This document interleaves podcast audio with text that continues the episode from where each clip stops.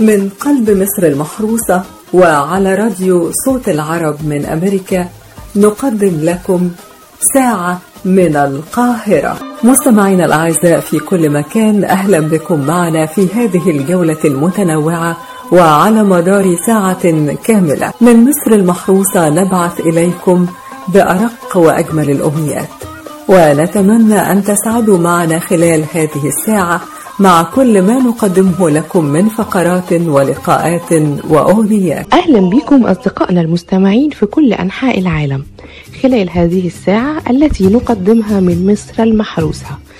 يا رب فقراتنا النهاردة تنال إعجابكم ونحب نروح في البداية إن إحنا هنكون معاكم كل يوم اثنين وخميس من الساعة خمسة مساء للساعة السادسة مساء بتوقيت الساحل الشرقي للولايات المتحدة يعني من 12 مساء لوحدة بعد منتصف الليل بتوقيت القاهرة والمستمعين في كل أنحاء العالم تابعونا كل اثنين وخميس من 10 مساء إلى الساعة الحادية عشر مساء بتوقيت جرينتش أغنية بعيد عنك حياة عذاب من كلمات مأمون الشناوي ومن ألحان بليغ حمدي وقامت بغنائها سيدة الغناء العربي أم كلثوم في عام 1965 الأغنية دي عاشت في وجدان وقلوب وذاكرة الملايين من الشعوب العربية وعلى مدار سنين طويلة مست أغنية بعيد عنك مشاعرهم وأحاسيسهم وذكرياتهم سيداتي وسادتي نجدد لكم التحية ونقدم لحضراتكم الفقرة الإخبارية لهذا اليوم يقرأها عليكم محمد عمر من القاهرة غرفة المنشآت السياحية تنفي إغلاق المطاعم الصينية نفى عادل المصري رئيس غرفة المنشآت السياحية في تصريحات صحفية إغلاق أي مطاعم أو منشآت سياحية خاضعة لإشراف وزارة السياحة قائلا إن جميع المطاعم الحاصلة على ترخيص بمزاولة العمل وكافة أنشطتها من قبل وزارة السياحة تخضع لكافة الإجراءات والقواعد والاشتراطات الصحية وأضاف أن كافة المطاعم الصينية في مصر تعمل بشكل طبيعي وتخضع لرقابة مستمرة والدورية للتأكد من استيفائها لكافة الاشتراطات الصحية لضمان سلامة الغذاء حفاظا على الصحة العامة للمواطنين وذكر أن حملات التفتيش والمراقبة التي يشترك فيها ممثلين عن وزارة السياحة والصحة والبيئة والطب البيطري مستمرة للتأكيد على صحة سلامة الغذاء المقدم لجميع رواد المطاعم والمنشآت السياحية بشكل دوري وأوضح رئيس الغرفة أن هذه الحملات مهمتها التأكد من توافر الاشتراطات الصحية بالمنشآت الغذائية والمطاعم والفنادق والمحال التي تقدم الأطعمة والمشروبات للمواطنين الحملة القومية للتطعيم ضد مرض شلل الأطفال تواصل عملها في محافظات مصر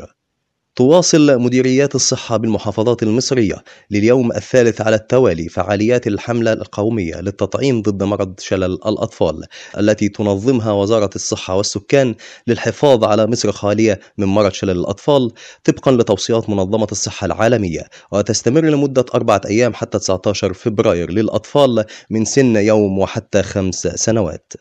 ويشمل التطعيم ضد مرض شلل الأطفال الأطفال المصريين وغير المصريين المتواجدين في محافظات مصر وقت الحملة ومن الجدير بالذكر أن آخر حالة شلل أطفال في مصر تم تسجيلها عام 2004 كما أعلنت منظمة الصحة العالمية أن مصر خالية من المرض عام 2006 إنشاء أول قمر صناعي تعليمي لتدريب طلاب الجامعات المصرية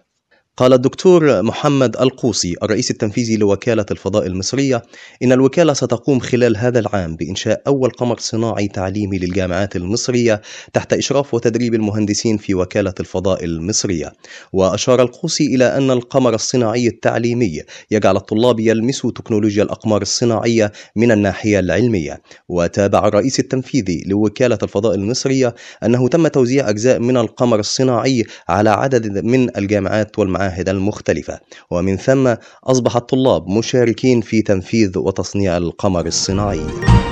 إنشاء أكبر مصنع للغزل في العالم بالمحلة الكبرى كشفت وزارة قطاع الأعمال العام تفاصيل أكبر مصنع للغزل والنسيج في العالم والمقرر إنشاؤه في مدينة المحلة ضمن خطة تطوير قطاع الغزل والنسيج الحكومي ونشرت الوزارة مقطع فيديو يوضح تفاصيل المصنع الذي يتم بالتعاون مع شركة ريتر السويسرية لتكون الشريك في تطوير المصانع التابعة للشركة القابضة وكان أحمد مصطفى رئيس الشركة القابضة للغزل والنسيج قال في تصريحات سابقة إنه سيتم إنشاء مصنع جديد في غزل المحلة بطاقة إنتاجية تساوي طاقة الشركة وسيتم إنشاؤه على أرض الشونة وسيعمل بماكينات حديثة سيتم استيرادها وتعد عملية تطوير شركة الغزل بالمحلة جزءا رئيسيا في عملية تطوير قطاع الغزل والنسيج والمقرر أن تكون مركزا لصناعة الغزل والنسيج في مصر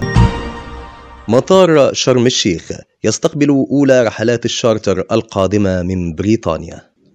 استقبل مطار شرم الشيخ الدولي مساء أمس الأحد أول رحلتين تابعتين لشركة تي يو آي البريطانية والتي تعد أولى رحلات الطيران الإنجليزية الشارتر القادمة من مطار لندن جاتويك وعلى متنها 184 راكبا ومطار مانشستر وعلى متنها 190 راكبا وقد تم رش الطائرتين بالمياه كتقليد متبع عالميا في استقبال أولى الرحلات بالمطارات ومن المقرر أن تسير الشركة ثلاث رحلات أسبوعيا تابعة لشركة تي يو آي قادمة من مطار لندن جاتويك إلى شرم الشيخ خلال الموسم الشتوي الحالي حتى 25 مارس المقبل الجدير بالذكر أن الحكومة البريطانية وافقت على استئناف الرحلات الجوية الإنجليزية في أكتوبر الماضي البنك المركزي ارتفاع تحويلات المصريين بالخارج إلى 11 مليار دولار خلال خمسة أشهر قال البنك المركزي المصري اليوم الأحد أن تحويلات المصريين العاملين بالخارج ارتفعت خلال الفترة يوليو نوفمبر 2019 الشهور الخمس الأولى من السنة المالية 2019-2020 بنحو 1.2 مليار دولار بمعدل سنوي 12.1% لتسجيل نحو 11.1 مليار دولار مقابل نحو 9.9 مليار دولار خلال الفترة المناظرة من العام السابق وأعلن البنك المركزي المصري أن البيانات الأولية أظهرت ارتفاع تحويلات المصريين العاملين بالخارج خلال شهر نوفمبر 2019 بمقدار 128.9 مليون دولار بمعدل سنوي. مهرجان البحر الأحمر السينمائي يكشف عن بوستره الافتتاحي كشف مهرجان البحر الأحمر السينمائي الدولي عن بوستر دورته الأولى المقرر إقامتها في الفترة من 12 حتى 21 مارس المقبل ويحمل البوستر صورة لعارضة البلي السعودية سميرة الخميس وهي تخرج من البحر في تعبير عن موجة التغيير الثقافي التي تشهدها البلاد والفرص الواعدة للسينما السعودية الجديدة الجدير بالذكر أن مهرجان البحر الأحمر السينمائي الدولي تأسس عام 2019 وهو حدث سنوي تستضيفه مدينة جدة في المملكة العربية السعودية وتقام دورته الافتتاحية من 12 إلى 21 مارس 2020 كان معكم محمد عمر من راديو صوت العرب من أمريكا من قلب مصر المحروسة وعلى راديو صوت العرب من أمريكا ساعة من القاهرة أعزائي المستمعين دعا الإسلام إلى مكارم الأخلاق وإلى التعامل مع الآخرين باللطف واللين والأخلاق الطيبة حتى أن الإسلام جعل من الكلمة الطيبة صدقة والابتسامة في وجه الآخرين صدقة وبشر النبي محمد صلى الله عليه وسلم أحبابه وأتباعه بقوله أقربكم مني مجلسا يوم القيامة أحاسنكم أخلاقا هذه هي مكانة ومنزلة صاحب الخلق الحسن يوم القيامة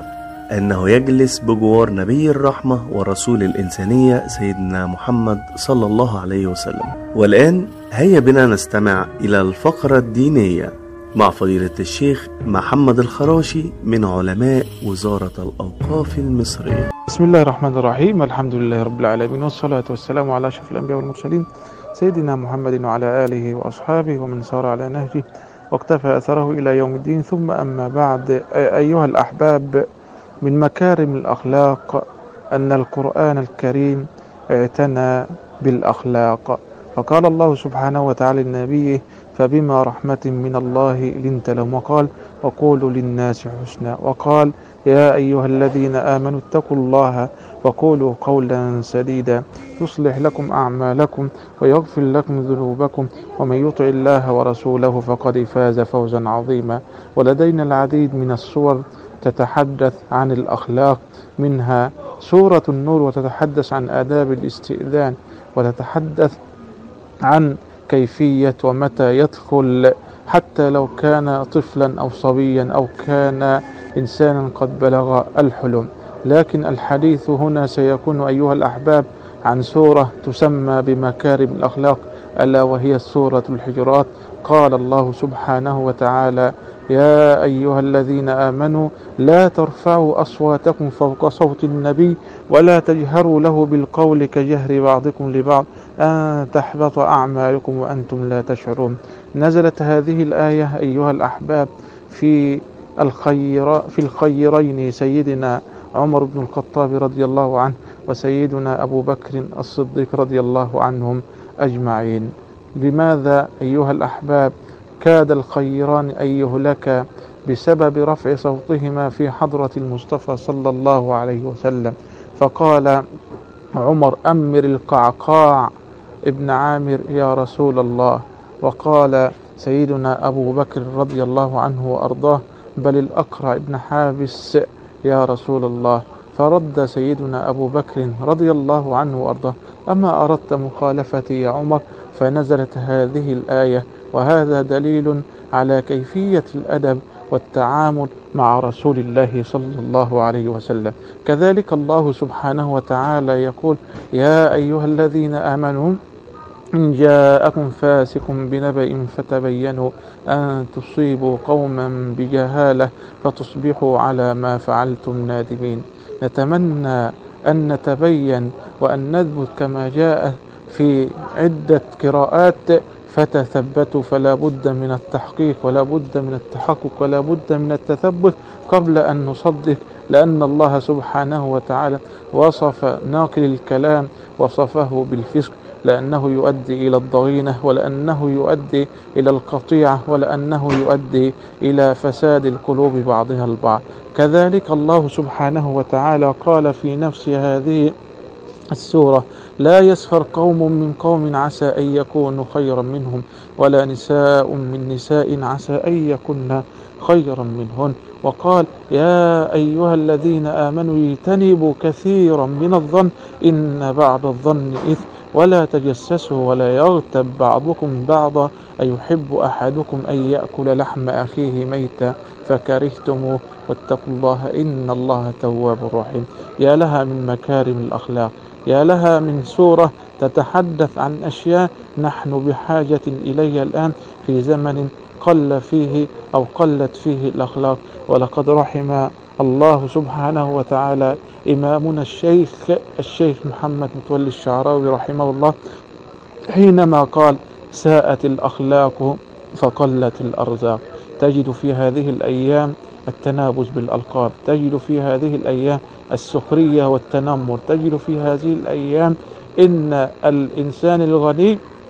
يحتاج إلى إنسان غني آخر والإنسان الفقير هو مذموم ومنبوذ من المجتمع وعلى الرغم من أن الله سبحانه وتعالى قال إن أكرمكم عند الله أتقاكم النبي صلى الله عليه وسلم قال لا فرق بين لا فرق لعربي على أعجمي ولا لأبيض على أسود إلا بالتقوى أيها الأحباب علينا بمكارم الأخلاق وعلينا أن نستنى بشيئين هما كتاب الله سبحانه وتعالى وسنة نبينا صلى الله عليه وسلم تركت فيكم ما إن تمسكتم به لن تضلوا بعدي كتاب الله وسنتي نسأل الله العظيم رب العرش العظيم أن يهدينا إلى أحسن الأخلاق لا يهدي لأحسنها إلا هو وأن يصرف عنا سيء الأخلاق لا يصرف عنا سيئها إلا هو وأن يرزقنا حسن الأخلاق كما كان النبي صلى الله عليه وسلم يدعو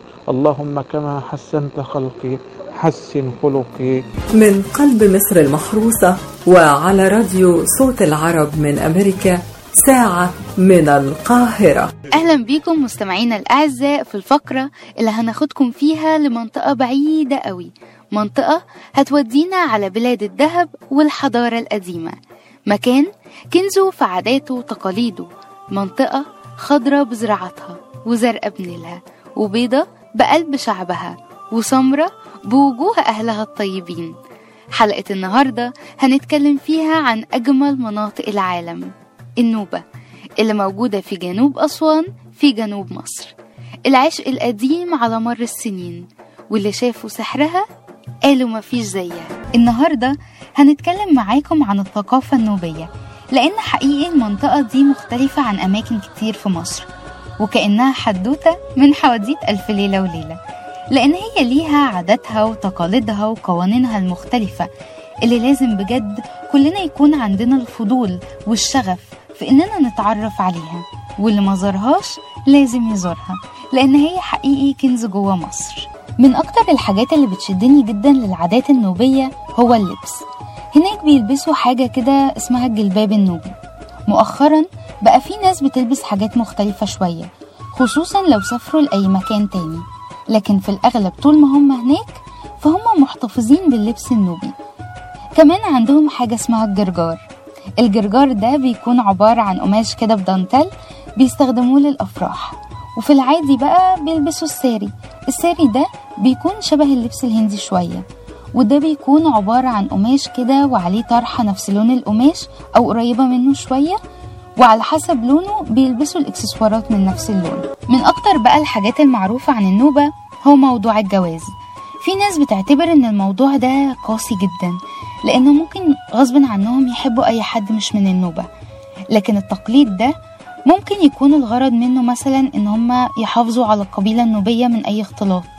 أو إن مثلا ممكن في يوم من الأيام ينتهوا للأبد زمان لو كان الراجل حب واحدة من بره واتجوزها فعلا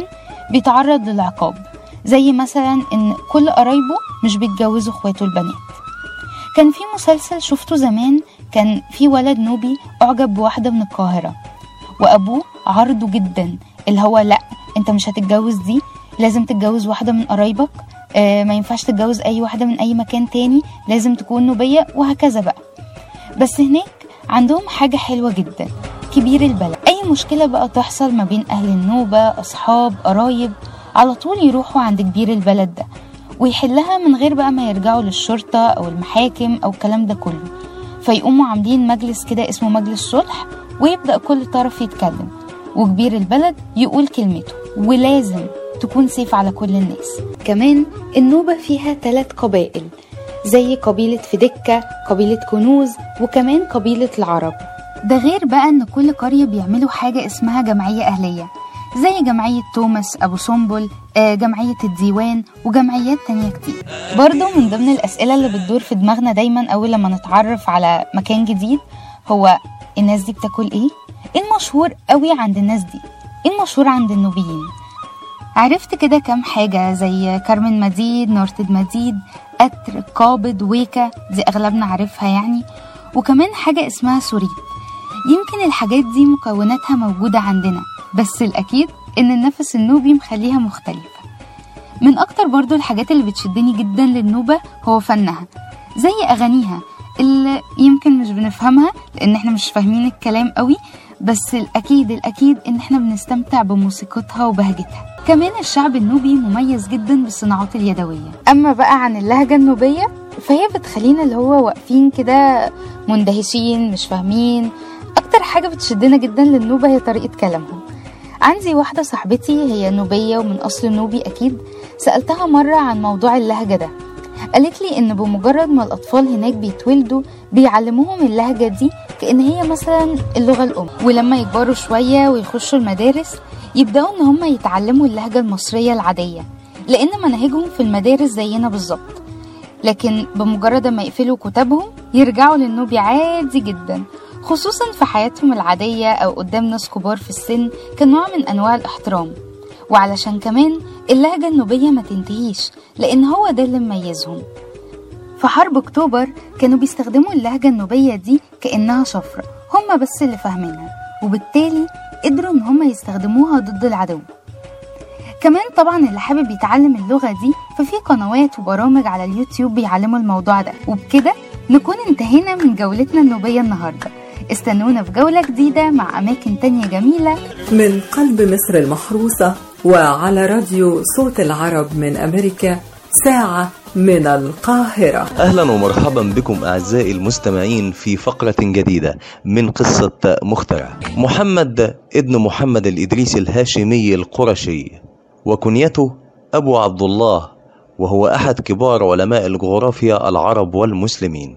هو عالم مشهور وأحد مؤسسي علم الجغرافيا له كتب كثيرة في النبات والطب والفلسفة والأدب والنجوم والشعر وقد تم استخدام خرائطه ومصوراته في جميع كشوف عصر النهضة الأوروبية حيث قام بتحديد الاتجاهات الخاصة بالمرتفعات والأنهار والبحيرات أيضا وضع معلومات عن حدود الدول والمدن الرئيسية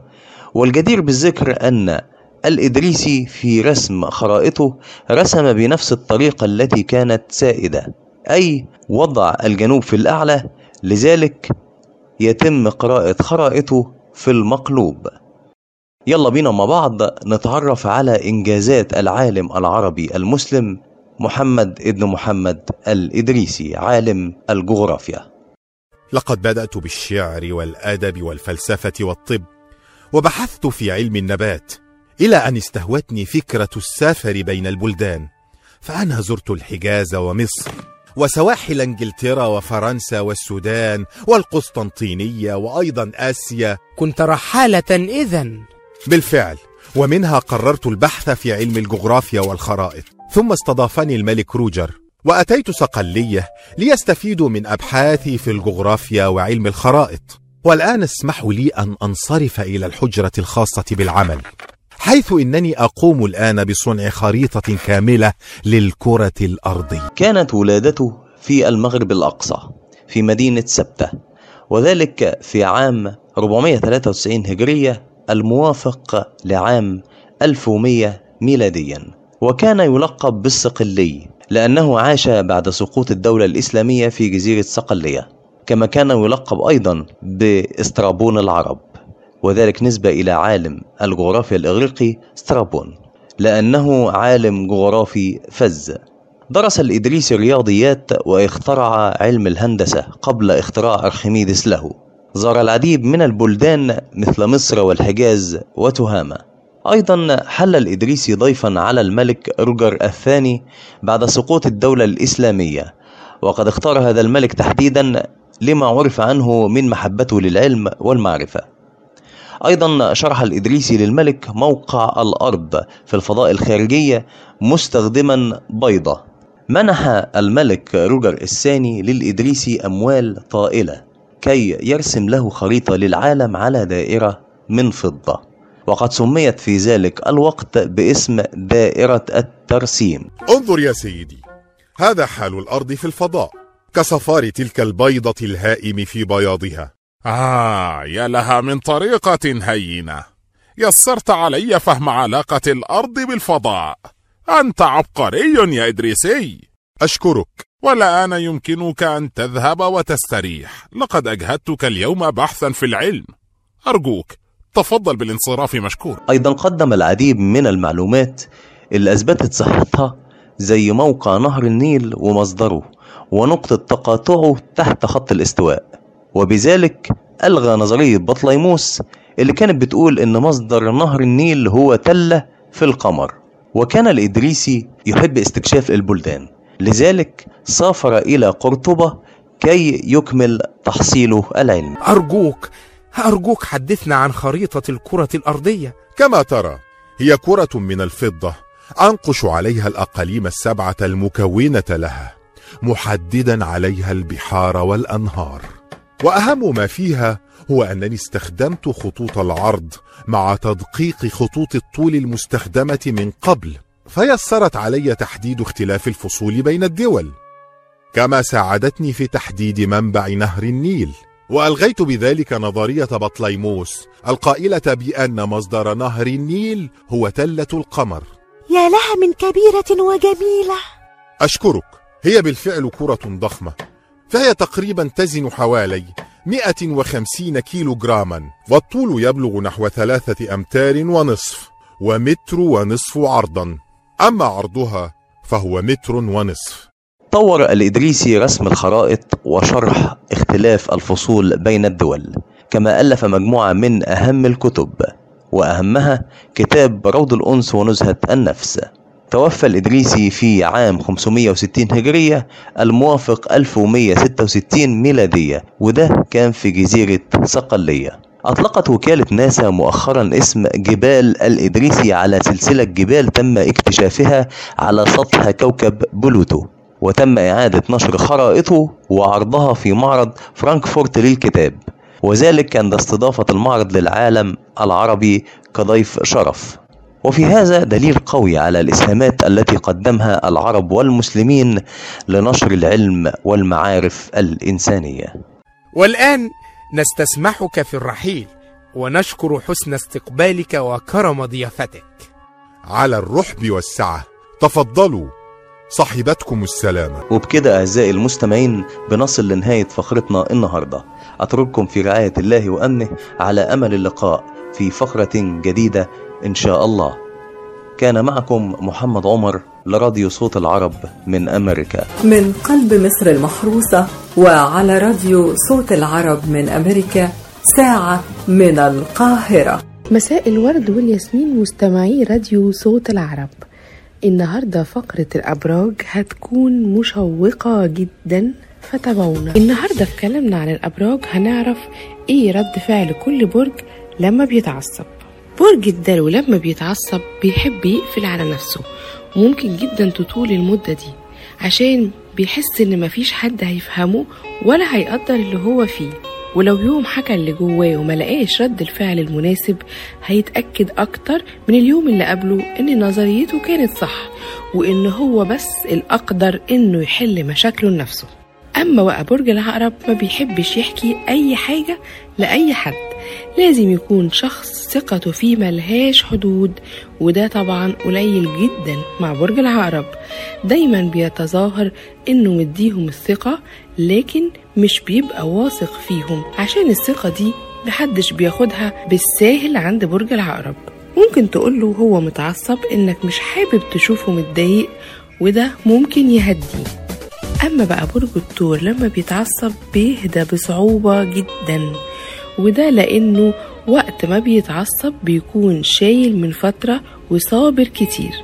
أسلم طريقة بقى إنك تبعد عن انتقاده تماما لأنه مش بيحب حد يقوله أنت كنت غلطان لأنه هو طبيعي من النوع اللي بيلوم نفسه كتير وبيعترف بغلطه بس بينه وبين نفسه ممكن ساعتها تريح له ضميره وقلقه وتقوله أنت كنت صح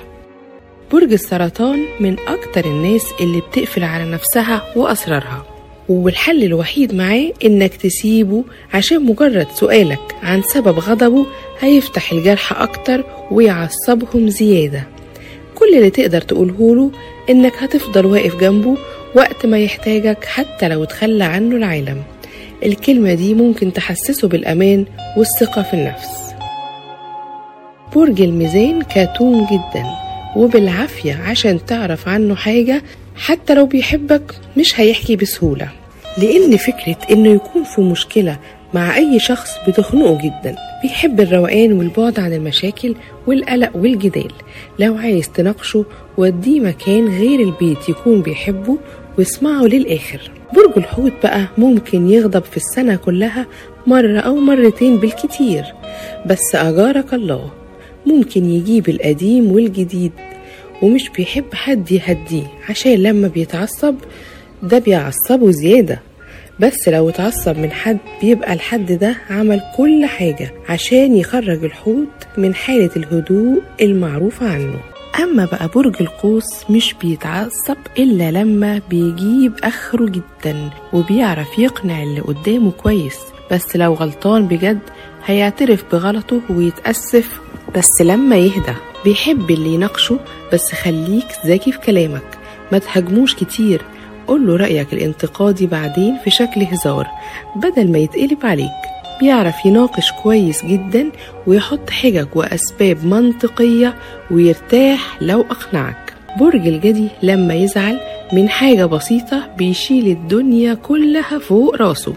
فما بالك لو حاجة كبيرة هيكون وقتها قلقان وممكن يبقى نكدي شوية فكروا بحاجات خفيفة وأوقات حلوة مرت بيه أو بأوقات أسوأ من اللي هو فيها في الفترة دي ده ممكن يخرجه من الشعور بالعصبية والزعل ولو عايز تخرجه من حالة الزعل والعصبية دي حسسه دايما انه قوي بكلامك وناقشه في اللي مزعله بس طبعا من غير دخول في تفاصيل الا لو هو سمح لك برج الاسد عصبيته بتبقى عمياء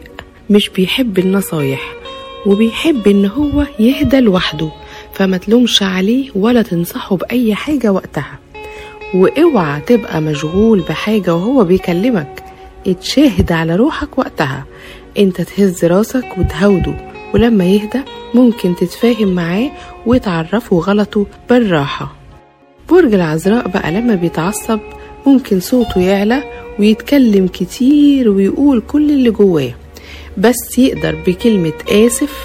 لو متعصب ساعتها يهدى مش بيحب حد يستهيف اللي معصبه بيحب يتكلم جد ويحل الموقف عصبيته مش دايمة لو اتناقشت معاه وفكرته بكام موقف حلو أو قلت له كلام يقويه وفهمته إن مفيش حاجة مستاهلة هيهدى وعصبيته هتهدى برج الحمل بقى لما بيتعصب سيبه شوية لغاية لما العاصفة تهدى وإياك تنطق ولا تنصحه بس تعالى بهدوء كده وقوله إنه عمل كل اللي عليه في الموضوع اللي معصبه ده وما أثرش في حاجة والموضوع لسه تحت سيطرته وهو يقدر يتحكم فيه تاني ويغيره لصالحه هيسمع منك وممكن يهدى برج الجوزاء بيبقى محتاج حد يسمعه ويسيبه يتكلم ويقول كل اللي جواه من غير ما يقطعه وقتها هيهدى من غير أي حاجة بيقدر جدا الاحترام والصراحة اسأله إذا كان حابب يتكلم في اللي معصبه ولا لأ ولو رفض يبقى ما تضغطش عليه وخفف عنه بأي حاجة ترسم البسمة على وشه ولو وافق سيبه يتكلم للآخر من غير ما وبكده أعزائي المستمعين تكون خلصت فقرة الأبراج النهاردة استنونا الحلقة الجاية وفقرة أبراج جديدة كانت معاكم من القاهرة صوفيا حاتم لراديو صوت العرب من أمريكا دمتم بخير من قلب مصر المحروسة وعلى راديو صوت العرب من أمريكا ساعة من القاهرة وقبل ما نسيبكم في نهاية حلقتنا نحب انكم تستمتعوا معانا وتضحكوا من قلوبكم مع فن الكوميديا الراقي وجزء من فيلم غزل البنات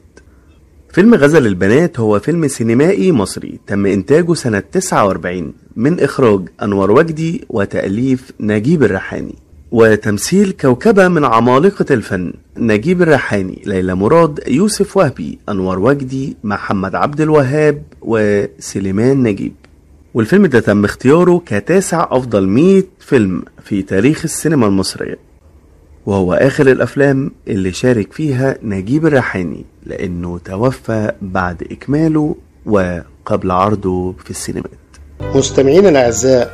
وبكده نكون وصلنا بيكم إلى نهاية فقرتنا وفترتنا لهذا اليوم على أمل أن يتجدد اللقاء معكم في حلقة قادمة بإذن الله ومن هنا من قلب القاهرة نرسل لكم بأرق أمنياتنا الطيبة بقضاء أجمل الأوقات وشكرا لفريق عمل ساعة من القاهرة محمد إسماعيل محمد عمر صوفيا حاتم منى الألفي دعاء حسن وشموع شكري